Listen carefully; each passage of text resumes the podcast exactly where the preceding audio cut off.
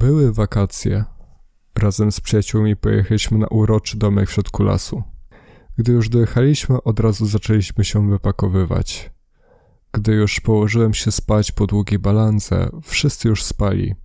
Oprócz mojej koleżanki, która zapytała mnie, czy ją zaleją. Już się rozebraliśmy, gdy nagle ktoś zapukał. Koleżanka otworzyła drzwi. Ku moim oczom ukazał się Aleksander Jabłonowski. Przyjaciółka aż zemdlała z wrażenia.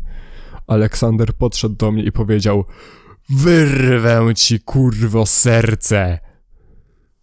Ja trochę spanikowałem i uciekłem z domku. Jabłonowski biegł za mną.